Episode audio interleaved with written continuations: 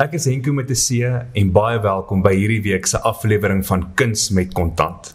Ek is baie bevoorreg om hierdie week saam met die groep Raaf te kuier, Lourens en Estie, Rabe. Baie welkom op Kuns met Kontant. Ag, dankie Henko, dit is so 'n groot voorreg. Ja, absoluut voorreg, dankie. Lourens, jy kom uit die finansiële dienste bedryf voordat jy met Raaf begin het. Ons kan nou gesels oor die naamsverandering want ons luisteraars vind dit net so interessant. Maar jy het daai agtergrond, jy het daai kennis gehad en jy het daai voltydse werk vaarwel geroep en jy en Estie toer die land plat. Jy kom nou net van Namibië af.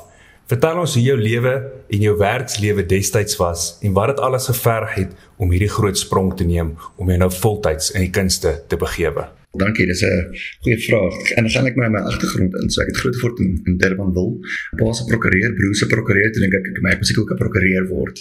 Maar ek het my hele lewe lank al musiek gespeel, tromme gespeel in in garage bands. Ek het my broer te band gehad op skool. So dit was eintlik my liefde, my passie geweest, maar ek het groot geword met die idee dat 'n kunstenaar kan nie geld maak nie. Dit was waarmee ek groot geword het. Jy weet natuurlik in uh, die moderne samelewing is dit mos maar iets waarna jy aspireer. Jy moet kan uh, jy weet high school en al die dinge, jy weet oor see gaan, daai vakansies. So ek gedink ek goed, maar kom ek doen nou die veilige dinge gaan swat om 'n prokureur te word. En uh 3 jaar in met Bekom regte toe besef ek weet jy wat, ek dink nie ek wil 'n prokureur wees nie.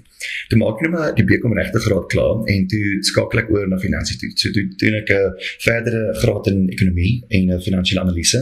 So toe was ek op Stellenbosch gewees vir 5 jaar en toe daarna was ek nog Universiteit Kaapstad toe UCT gewees vir 'n jaar vir 'n postgraduate. En ja, toe begin ek te werk in finansies. Ek was 'n finansiële analis gewees by 'n batebestuur beleggingsfirma in Kaapstad. Baie lekker gewerk. Ek het baie geniet. Dit was vir my vibrant, jy weet, hoe die finansiële markte en wêreld werk en hoe die ekonomie mekaar gesit is. En ek het eintlik eers toe begin werk regtig vir verstaan hoe finansies werk. Nie as jy studeer dan jy dink jy verstaan maar jy weet nog nie reg hier dan sodra jy is in die regte wêreld is dan begin dit sin te maak.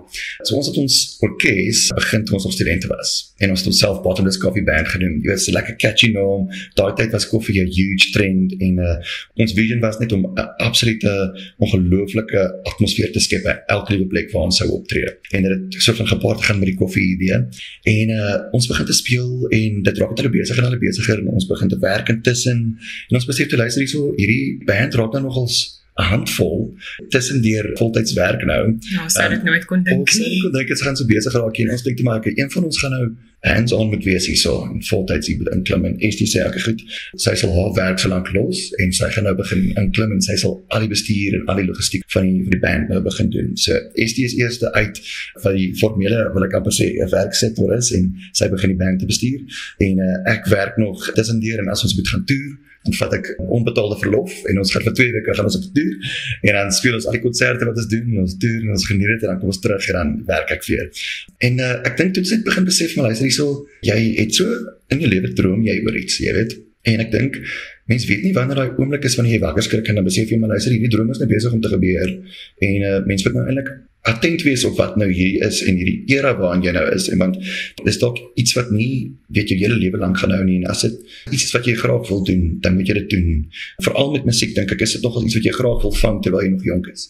En ons is toe maar luister hierso wat sou dit vir ons sin maak om dat ek ook my werk los die weet die meer standvaste deel van die van die familieinkomste as ek dit sou kan stel sodat ons nou hierdie ding voltyds kan kan pursue en um, ons dink toe luister hierso sou dit op 'n plek kom waar die inkomste van ons band, ons maandelikse inkomste wat ons op die oomblik sou saam verdien, beskryf dan dink ek rasioneel maak dit sin. Kom ons sien dit as 'n afkappingspunt. So daai eerste tyd het ons verskriklik hard gewerk. Ja, ja, ja. Want om te kyk of daai moontlik is of 'n mens dan wel die tyd wat hy kan verlof vat en naweke dit kan oorskry. Ons ons maandelikse inkomste kan oorskry sodat ons vir ons ouers kan sê, kyk net gou hier op papier, op hierdie stadium in ons lewe maak hierdie meer sin. Ja, natuurlik. En jy jy die ouers hier, jy weet, hulle het vir jou betaal om al die studies te doen en uh, jy wil tog ook vir hulle laat kan weet jy jy maak 'n goed ingeligte besluit. En ek ek het regtig aan my ouers so verduidelik. Julle hierdie is 'n ingeligte besluit.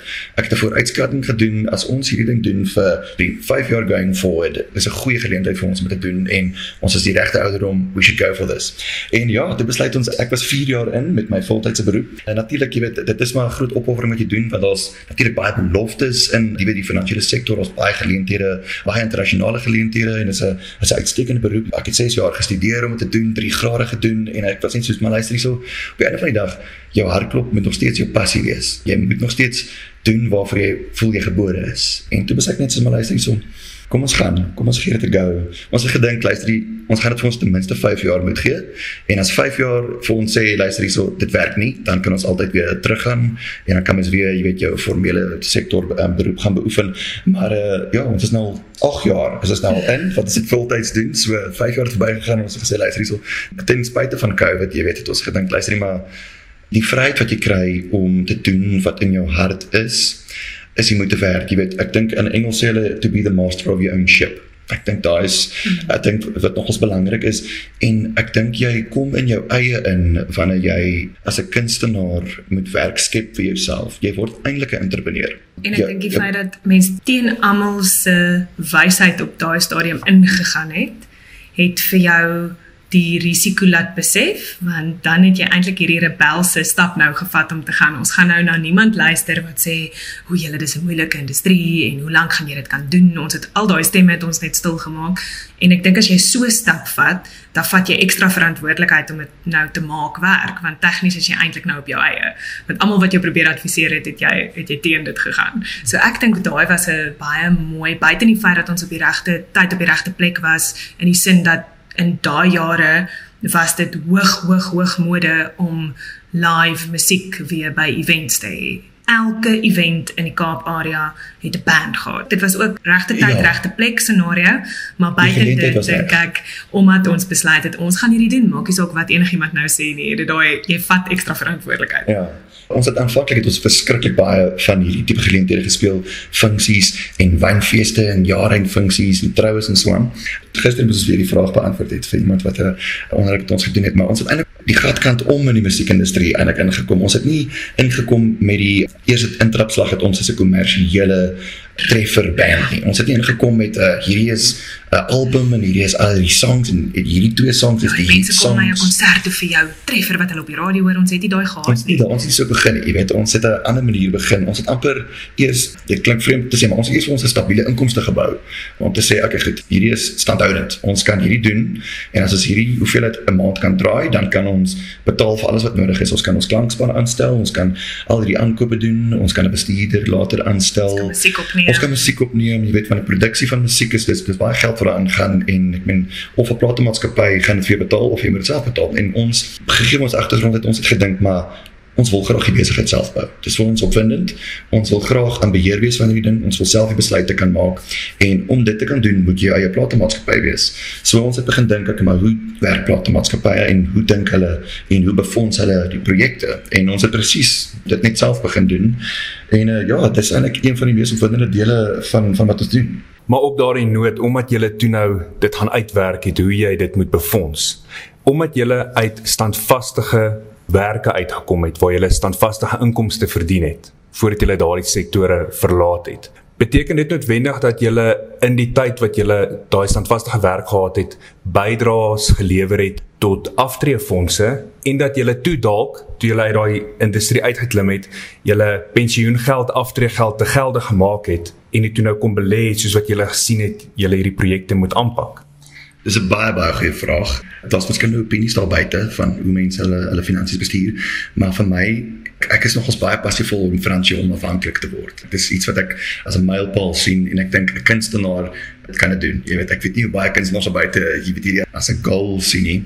Uh jammer vir my Engels, maar ek het vanaf van die begin af gesê wat ook al nodig is uit die besigheid, kom ons sê net die band as 'n besigheid, moet vir homself kan betaal.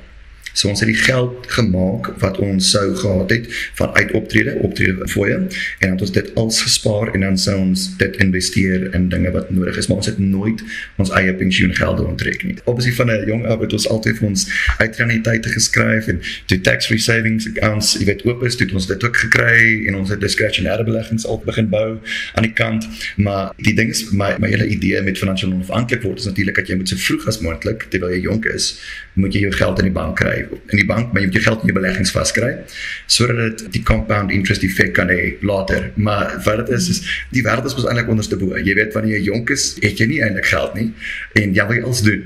En dan wanneer jy oud is, dan het jy al jou geld net als gespaar en as jy te oud om te gaan geniet. Mm. So ons moet net vir vir klomp goed, moet ons net gesê luister, ons gaan die krankie toe draai, ons gaan begin spaar en ons moet soveel as moontlik geld ons vroeg ouderdom moet ons in beleggings aan kry sodat ons kom ons sê van 40, 50 af wil ons drasties afskaal wat spaar aan betref en dan wil ons eintlik net lewe. Maar om dit te doen moet jy verskriklik baie spaar terwyl jy jonk is. Mm. So jou eerste 10, 15, 20 jaar is is aggressiewe spaar.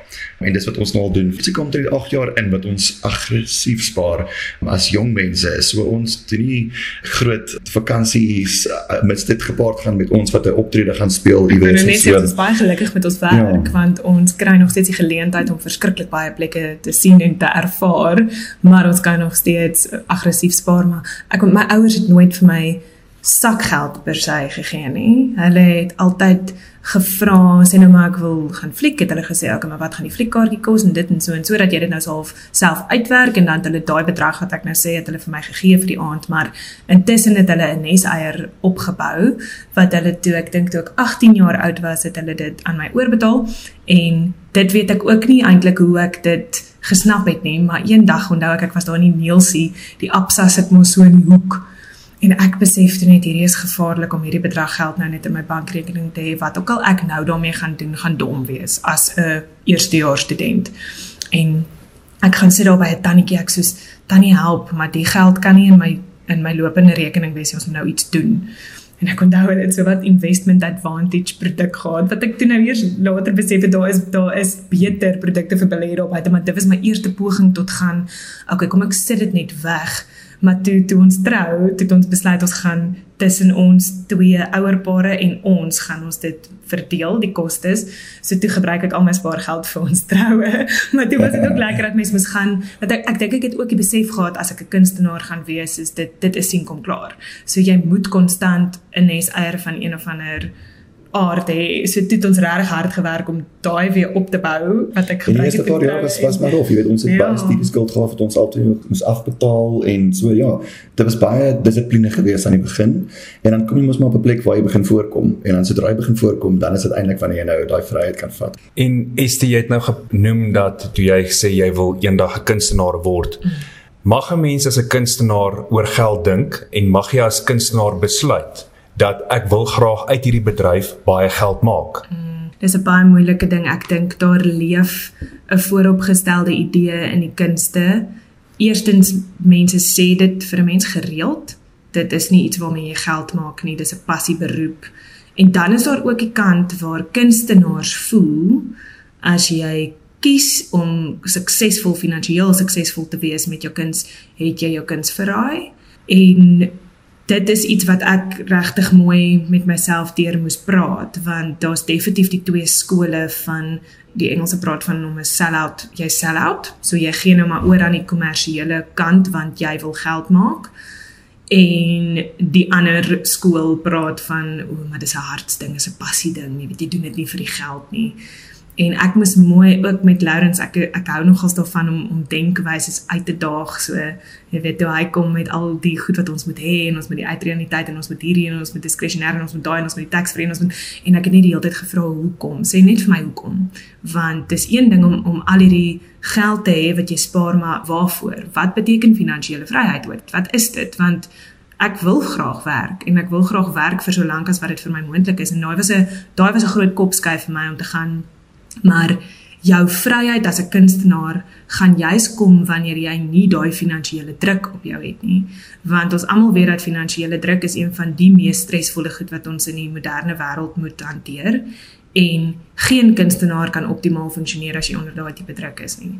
So ek moes my brein in twee verdeel en gaan aan die een kant met jy nou 'n besigheidsvrou raak want jy moet besef jou kuns is iets werd, jy verdien dit om daarmee te kan leef. Dit is dan nou waarvoor jy geleer het. Dit is waarvoor jou ouers betaal het dat jy iets in jou hand het waarmee jy eendag 'n inkomste kan maak, so hoekom nie?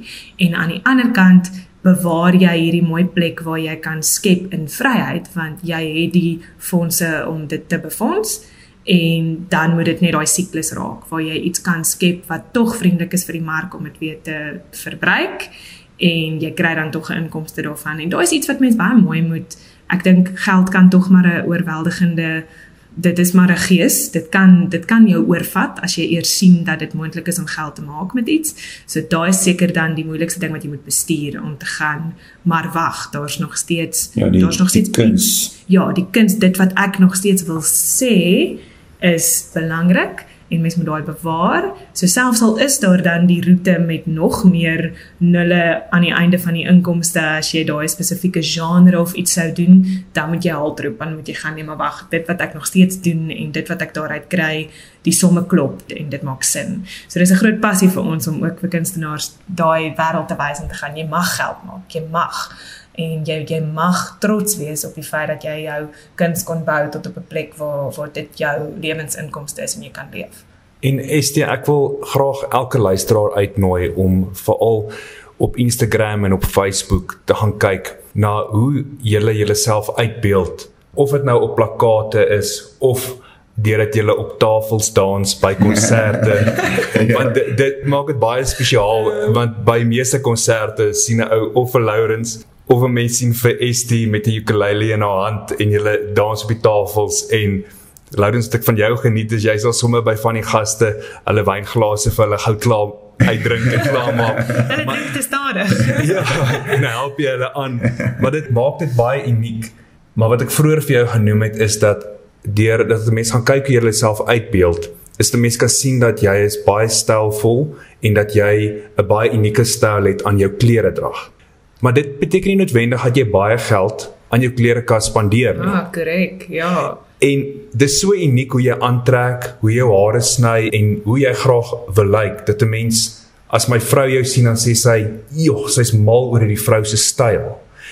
Beteken dit noodwendig dat jy baie geld daarop moet uitgee? Nee, mense hoef glad nie. Ek is ook baie lief vir natuurbewaring en volhoubaarheid. So daar is ook mos 'n groot gesprek op hierdie stadium in die modewêreld dat soos hoe volhoubaar is al hierdie verskriklike klomp klere wat ons elke jaar van niks af vervaardig. So daar het ek ook al baie oor gelees en ek weet nie of mense bewus is daarvan nie, maar in Suid-Afrika het ons heelwat winkels waar ons splinternuwe klere kan koop wat van Europa afkom wat die mense een seisoen daar gedra het. Hulle het sulke groot dromme op die sypaadjies in Europa wat hulle letterlik die klere kan weggooi. Dis klere dromme en daai dromme kom in sulke groot vierkante gestreepsakke in Afrika aan vir die arme mense in Afrika. Ek koop dit. en hierdie tweedehandse winkels is dit is fantasties en dit is spotgoedkoop. Ek het al van my lekkerste jasse en baadjies waarmee ek nou in die winter sal optree, het ek by byvoorbeeld the Jacket Shop in Clarence gekoop want dit hoef nie duur te wees nie. Mode en ek dink um baie Ja, Suid-Afrikaners ehm is nie noodwendig hoe, hoe duur jy vir die stuk betaal het is nie 'n refleksie Glad van of jy stylvol is nie. glad nie. Vir my gaan dit daar en dit is vir my met alles so. Ek dink ons is mos nou maar slawe van bemarking tot 'n groot mate en die wêreld wil ons laat glo dat jy gaan op jou beste lyk as jy die duurste produk of die duurste jas of die duurste brand koop maar ek dink die belangriker ding is om die introspeksie te doen en te gaan maar wie is dit wat ek wil wees as ek my klere aantrek of as ek my hare sny of as ek my hare was? Waarvoor staan daai? Want elke botteltjie shampoo wat jy oopmaak of kledingstuk wat jy koop ondersteun iets. En daai is die belangrikste om te gaan waarvoor staan ek? Wat wil ek hê moet my lewe as 'n geheel uiteindelik ondersteun? Die dag as ek nie meer hier is nie wat het ek tot bygedra? En as jy daai besluit het is dit makliker om te besluit waar gaan jy koop en wat gaan jy koop en hier en daar sal ek van ons uh, Suid-Afrikaanse designers ondersteun want dit is vir my baie baie belangrik. En daarvoor gee ek om om baie geld te betaal want ek weet wat daarin gaan om hulle tekstiele hier te vervaardig is baie duur en baie moeiliker en dis gewoonlik alles hande arbeid met die hand gemaak is gewoonlik mense wat wat mense oplei om ook saam met hulle te stik en te werk. So dit dit is vir my belangrik om in ons plaaslike designers te kan belê en geld te spandeer op dit. Maar enigiets anders glo ek nie wat jy kan koop wat jy um, wat jy glo by jou pas en wat jy wil ondersteun. Ons sien nou hier buite julle toerbusie met die sleepwa daaraan gehak en julle kom nou net van 'n Namibiese toer af en nou gaan julle na die noorde toe vanmiddag en dan weer terug al die pad Kaap toe. Beteken dit noodwendig dat julle as 'n getroude paartjie wat saam Raaf bestuur en hardloop dat julle in 'n huis belê het in die Kaap en dat hulle julle eie huis besit En beteken dit nie noodwendig dat julle maar eerder moet huur nie. Maar is dit vir julle belangrik om 'n heenkome te hê en 'n tuiste te hê waarvoor jy betaal het in die Kaap waar jy toe kan teruggaan en terugkeer elke keer as 'n veilige hawe of sou jy sê vir julle opset is dit beter om te huur? Dis 'n baie goeie vraag natuurlik. Dit is 'n groot besluit in ons lewe. Is verskillende opinies oor eiendom en uh, ek dink daar's daar's nie regtig reg of verkeerd nie. Ek dink dit hang af van wat jou situasie is, maar ons persoonlik, ek dink hierdie hierdie vraag is tweeledig. Ek gaan hom twee keer antwoord. Persoonlik het ons besluit dat eiendomspryse in die Kaap waar ons wou gewoon het en die tipe huis wat ons wou gehad het, kan ons nie bekostig nie. Maar ons kan dit wel hier. So ons het besef luister hier ook deel van die aggressiewe spaar en die finansiële afhanklikheid is die oorheersende opinie daar buite vir mense wat ook in uh, geïnteresseerd is in dit is om te huur. So ons besluit ons gaan hier totdat dit vir ons voel ons weet met sekerheid hierdie is waar ons wil woon. Maar dis nou waar die tweede deel van die vraag beantwoord word. Ons is regtig baie op die pad. Ek meen ek dink ons is seker meer as helfte van die jare is ons nie in ons eie huis nie. Jy weet slaap ons nie in ons eie bed nie. So die reine waarheid is dat mense is ook nie noodwendig seker waar jy eintlik wil settle nie. En om 'n eiendom te koop is 'n is 'n groot besluit. Dis nie net jou kapitaalwaarde wat jy instoot nie, dis dan die oordragskoste en is dan ook wanneer die instandhouding en wanneer jy wil verkoop, jy weet dan is dit weer die kopsier om al daai dinge deur te gaan. So ons het eintlik net besluit ons is nie lus vir daai admin nou nie. Ek dit dit gaan ekstra kopspasie van ons vat wat ek nie dink ons nou behoort te vat nie. So ons het baie gerieflike ons hier en dit is vir ons baie maklik en ons het 'n amazing huis in die Parel wat beautiful is en is oud en is inspirerend om aan te stap en wanneer ons eendag wel besluit want ek, ons gaan definitief wel 'n huis koop nog en wanneer ons besluit dan weet ons ook wat ons wil hê. Mm. Want ek dink as ons te vroeg koop, weet jy ook nie noodwendig wat jy wil hê nie. Maar daar is nie reg of verkeerd nie, want sommige mense koop al vroeg in hulle lewe die eiendom en dan is dit ongelooflike belegging vir hulle. Hulle het goeie opbrengs gehad veral in die Kaap, jy weet, Weskaap se huise oor die algemeen regtig baie goed gedoen. Dit is definitief belangrik om 'n heenkome te hê, het ek ook besef, maar dit het vir my amper meer in mense begin lê dat jy weet waar jy na terug gaan, gaan daar iemand wees wat gaan, "Ag, oh, julle is by die huis, welkom terug." Daai het amper vir my belangriker geraak as die spasie. Maar ons uh, skies aan ons landlords, maar ons doen ook eintlik net wat ons wil in ons huis. Ons verf ons mure groen en hang kuns en doen wat nodig is om dit vir ons ons spasie te maak en hulle verstaan dit en hulle geniet dit eintlik. En om ons het destyds iets omgemaak, het ons gesê, "Goed, hierdie is wat dit ons gaan kos om nou 'n plek te koop. Hierdie is wat dit gaan kos om te huur is dit nou in ons kapasiteit om die shortfall te belê tussen ons twee opgedeel en dis presies wat ons begin doen het. So eendag sal ons hopelik in die posisie wees waar mense baie groot deel van jou huis dan ook kontant voor kan hê. Ja. So mense begroot ja. huiskoste sou soveel gewees het en die die shortfall sit ja. ons net so weg in beleggings met die idee om dit eendag te onttrek mm. en dit neer te sit as dit pos doen. Ek glo 100% in energie en dat ons almal het net soveel energie om op een dag te gee en mens moet baie fyn besluit waar jy daai energie wil spandeer want wat ek kon sien met ons vriende wat op 'n baie jonger ouderdom nou al huise en so gekoop het dit raak amper op 'n baie natuurlike manier 'n uh, obsessie van wat moet ons nou in hierdie deel van die tuin en hierdie en daai muurtjie en hierdie en ons moet daai vervang en dan dink ek sjoe daai is energie wat ek nie hoef te spandeer nie wat ek nou in ons besigheid kan sit omdat ek dankie tog 'n landlord het wat dink aan daai goed namens my. So ook as dit gaan oor energie spaar, is dit vir my baie baie slim om te huur wanneer jy weet jy het nie daai kapasiteit om konstant in instandhouding aan aandag te gee nie. Ten slotte wil ek die groot vraag vra. En dit is waar het dit begin en hoekom het julle die groot kop skuif gemaak om julle naam te verander? Mm -hmm. Want dit kon nie 'n ligtelike besluit gewees het nie. Ek onthou dat toe ons by RSG baie van the Bottomless Coffee Band se liedjies gespeel het en dit kom deur as die naam het nou verander en ek elke keer die speelklop mee moet druk het ek vir myself gevra sjoe ek wonder of hierdie 'n wyse besluit was of nie. En ek is seker julle het julleself ook daai vraag gevra. Kon julle enige impak sien toe julle daai aankondiging maak en die naam oornag verander? Hoekom het julle dit gedoen? En kon julle enigstens sien dat dit positiewe impak gehad het onmiddellik oornag op die aantal kere wat mense julle aangevra het en gesê het kom tree op want dit kon nie 'n maklike besluit gewees het nie. Of dalk was dit vir julle 'n maklike besluit, ek weet nie. Nee, die antwoord is dit was nie 'n maklike besluit nie. Die waarheid is ons werk al in ons agterkop aan hierdie besluit vir omtrent ek wil amper sê solank as wat ons getroud is, so dis al amper Ja. 10 jaar. Die rede vir die verandering, kom ons begin daar. Ons het die naam Bottomless Coffee Band gekies. Regtig net upper abuis terwyl ons studente was, jy weet. moet dit onthou. En Bottomless Coffee Band was 'n sekere ding gewees vir 'n spesifieke doel en toe trou ons, jy weet, ons het toe ons eie lewe begin saam en ons besef toe maar luister hierso, dit gaan seker eintlik sin maak as ons ons naam na ons familienaam toe verander. Jy weet, ons het nou hierdie unieke ding is 'n man en vrou wat saam optree, jy weet, dis nie baie mense wat dit doen nie en uh, dis eintlik iets wat ons graag ons eie wil maak. Maar ons het gedink die rabes nee. Ja, in gedink. Engels gaan dit wees rabies Ja, of de- nee. of ja, nee, dat was net dit- ons was elke keer net soos nee. Ons nie, en dan eh, konsulteer ons met vriende in die industrie en hulle sê oeh nee, Ja, julle nee, die bemarkingskrag is te veel. Julle het al reeds so baie werk ingesit en Dan ons- los ons dit eers jou. Ja, dan sit dit weg en dan maar dit elke 6 maande kom dit weer by ons terug. Dan dink ons dan soos oef, wat ons het ook baie mense gekry wat die mekaar geraak het met Bottomless Coffee Band en ander koffiegedrewe daar's black coffee Ja. en jy het freshly ground. So mense het al vir ons weer aan dink mense ons is freshly ground. Soos nee nee nee, ons is nie freshly Iets ground met nie. koffie. Of jy weet black coffee tour in Ibiza. So yes, julle julle was nou in Ibiza gewees. Wow. Ja, dis soos ja ja, dit was baie lekker. Uh, ons het DJs on the side. Nee, maar um, so buiten dit het ons het besef maar luister, ons sit eintlik op regtig iets wat uniek is en die naam het op 'n manier het amper vir ons begin terughou.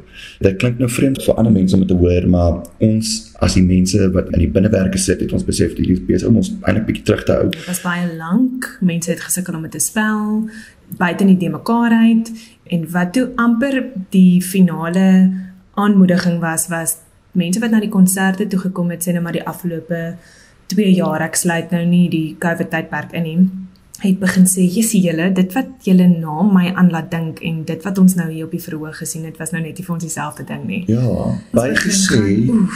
Coffee Band het begin. Ons eerste album was 'n Engelse album. Jy weet so dit begin eintlik as Engels. Ons skryf ons steeds in Engels ook, maar ehm um, dit was 'n Engelse naam vir 'n Engelse band. Jy weet Engelse musiek eerder.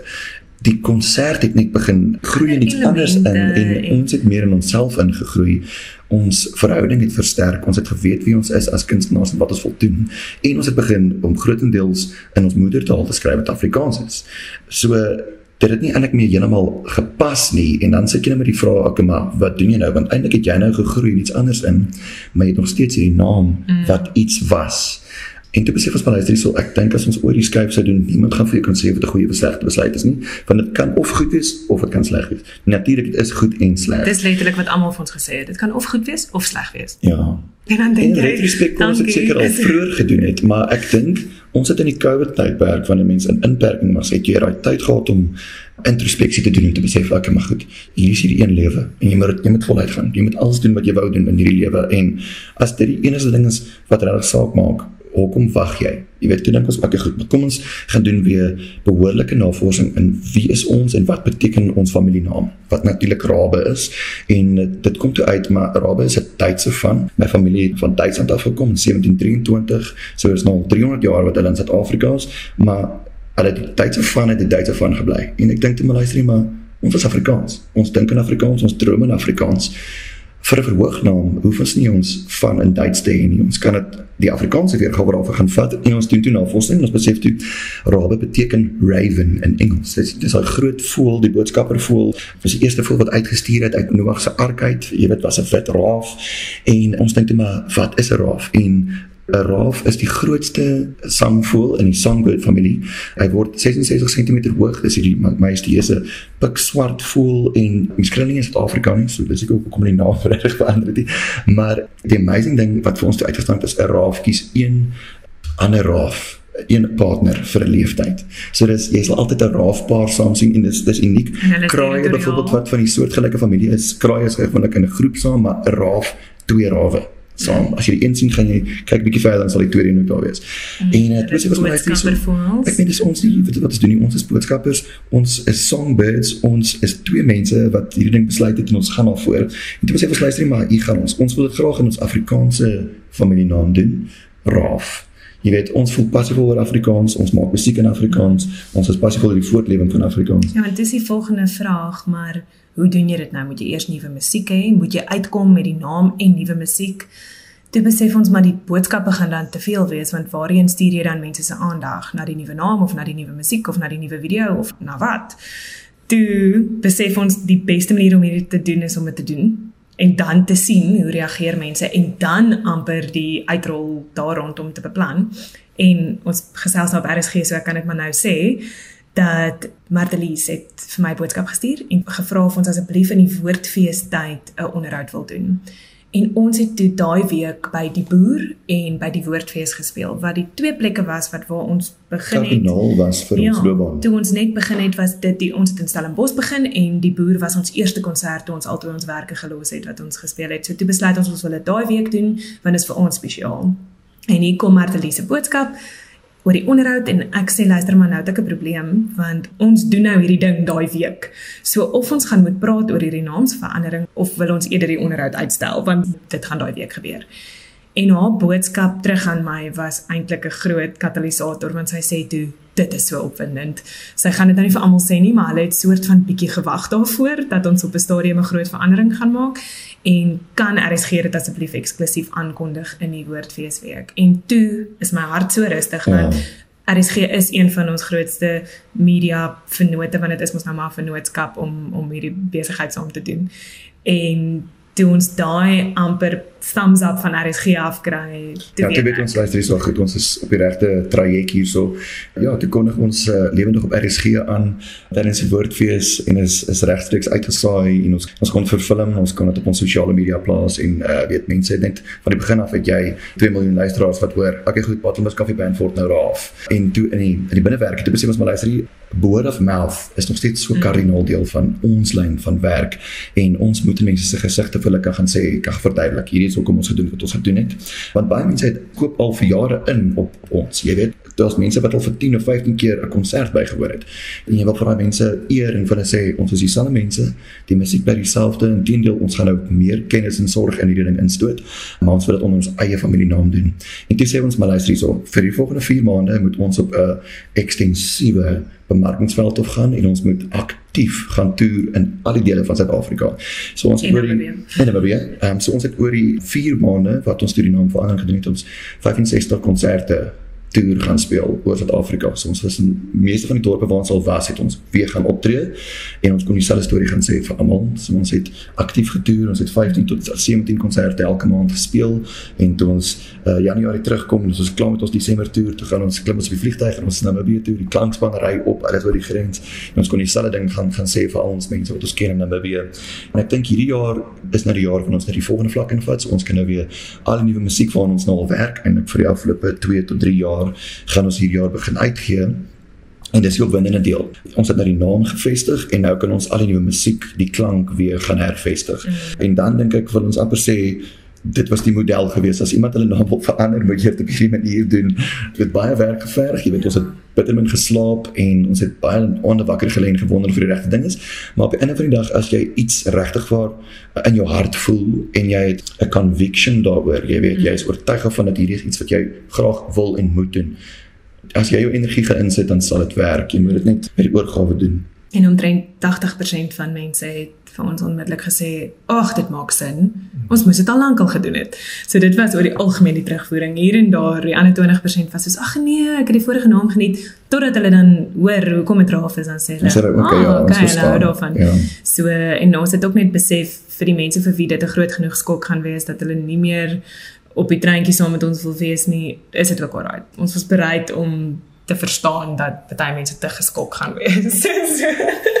En buite vir die feit dat die naam verander het, die goue draadjie wat dit alles verbind en deur dit alles loop is dat julle musiek en hulle liedjies bly dieselfde. Mm.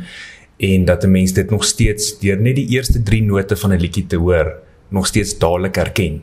Of dit nou Raaf of The Bottomless Coffee Band of Lawrence en Estie is, maak nie saak jy herken dadelik in daai eerste paar note wie nou gaan sing, want julle musiek is so uniek en so mooi.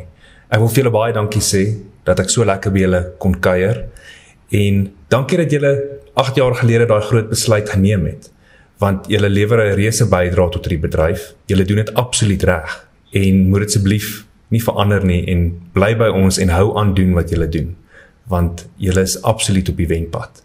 Dankie. Want daai beteken vir ons verskriklik ja. baie. Daai Dankie. is ongelooflik om te hoor. Ons waardeer dit. En die ondersteuning, dankie.